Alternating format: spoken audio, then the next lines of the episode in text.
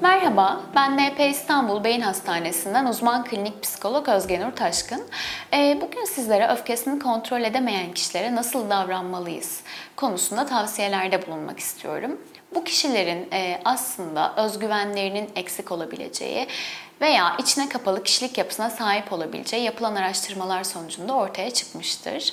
E, kişilerin kendilerini rahatlatmak için şiddet uygulaması patolojik bir durumdur. Kişilerin klinik vaka ise tedavi edilmesi, klinik vaka değilse de kişilere uygulanan davranış oldukça önemli olacaktır. Ben de bu konularda tavsiyede bulunmak istiyorum. Bu kişi bir baba, bir eş, bir dost olabilir. Öfkeyi yangına benzetmeliyiz bu noktada. Öfke varsa itfaiyeci modeliyle yaklaşmamız gerekebilir. Ruh dünyasında ve üç dünyasında yangın var demektir kişinin. Niye yangın çıktı demek yerine yangın bitince nereden dolayı olduğunu bulmak oldukça önemlidir.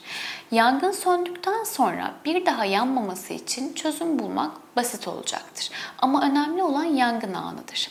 Kişi aniden sinirlenen ve bunu kontrol edemeyen bir kişi ise duygularıyla hareket eden bir kişidir.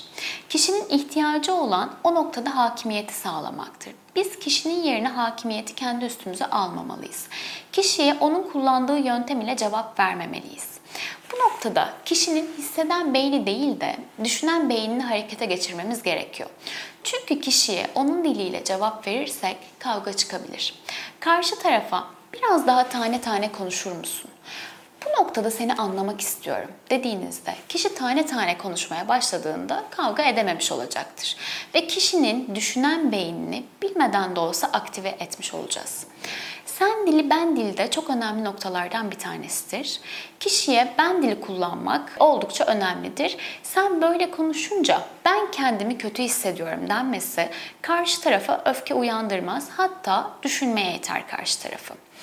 İstediği her şeyi söyleyen bir kişi istemediği şeyi duymaya hazır olmalıdır sözünü karşı tarafa aktarmalıyız.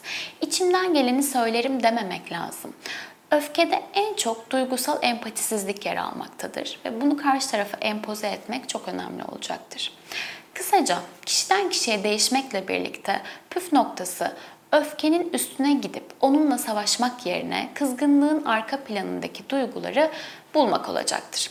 Hatta karşımızdaki kolay rencide olan ve çabuk incinen bir insansa onda pişmanlık duygusu uyandırmak için yaptığınız hataya bahane bulmadan ondan özür dilemeyi başarmak gerekir. Özür dileyen insan karşısındakine beni incittiğinin farkına varıyor dedirtebilirse hem incinme duygusunu hem de ona karşı hissettiği öfkeden pişman olmasını sağlayabilir. Benim öfkesini kontrol edemeyen kişilere nasıl davranmalıyız konusu üzerine anlatacaklarım bu kadar. Herkese sağlıklı ve huzurlu günler dilerim.